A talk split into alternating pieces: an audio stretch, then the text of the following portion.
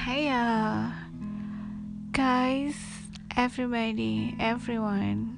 Kayaknya aku Mulai hari ini Bakal selalu Berbagi cerita Tentang relation uh, About Ibu dan anak Terutama hubungan kita sama ibu.